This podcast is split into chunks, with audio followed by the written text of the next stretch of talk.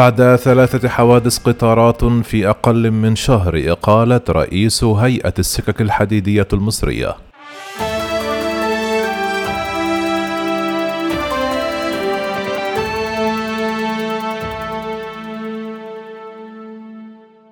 قال وزير النقل المصري يوم الثلاثاء أنه أقال كبير مسؤولي السكك الحديدية في البلاد بعد ثلاثة حوادث قطارات في أقل من شهر خلفت ما لا يقل عن 29 قتيلا ونحو 320 جريحا.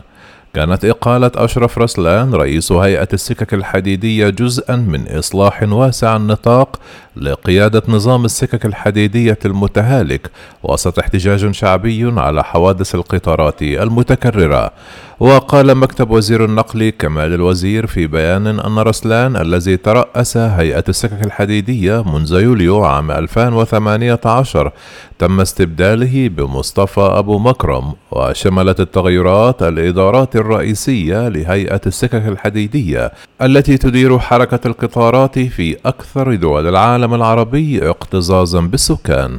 وتم تحديث الإصلاح لحقن عدد من المهنيين الأكفاء وسط جهود لتحديث الشبكة سيئة الصيانة وجاءت التغييرات بعد خروج قطار ركاب عن مساره يوم الأحد شمال القاهرة مما أسفر عن مقتل 11 شخصا على الأقل وإصابة 98 آخرين جاء ذلك في أعقاب تحطم قطار آخر في محافظة الشرقية بدلتا النيل الأسبوع الماضي وأسفر عن إصابة 15 شخصا. وبعد الحادث أعلن الرئيس المصري عبد الفتاح السيسي عن تشكيل لجنة رسمية للتحقيق في أسبابه كما بدأ المدعون تحقيقهم الخاص.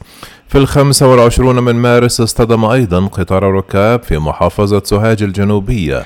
مما أسفر عن مقتل 18 شخصا على الأقل وإصابة 200 آخرون بينهم أطفال. ألقي المدعون باللوم على الإهمال الجسيم من قبل موظفي السكك الحديدية في هذا الحادث. وإن نظام السكك الحديدية في البلاد وهو أحد أقدم أنظمة السكك الحديدية في العالم له تاريخ من المعدات سيئة الصيانة وسوء الإدارة. وتقول الحكومة أنها أطلقت مبادرة تجديد وتحديث واسعة بشراء عربات قطارات ومعدات أخرى من مصنعين أوروبيين وأمريكيين وذلك لتطوير أنظمة السكك الحديدية المصرية. قال الرئيس المصري في مارس من عام 2018 أن الحكومة تحتاج نحو 250 مليار جنيها مصريا لإصلاح شبكة السكك الحديدية المتداعية. يتم الإبلاغ عن مئات حوادث القطارات كل عام ففي فبراير من عام 2019 اصطدمت قاطرة بدون قطار بحاجز داخل محطة سكك حديد رمسيس الرئيسية في القاهرة مما تسبب في انفجار ضخم وحريق أسفر عن مقتل ما لا يقل عن 25 شخصا. دفع هذا الانهيار وزير النقل آنذاك إلى الاستقالة.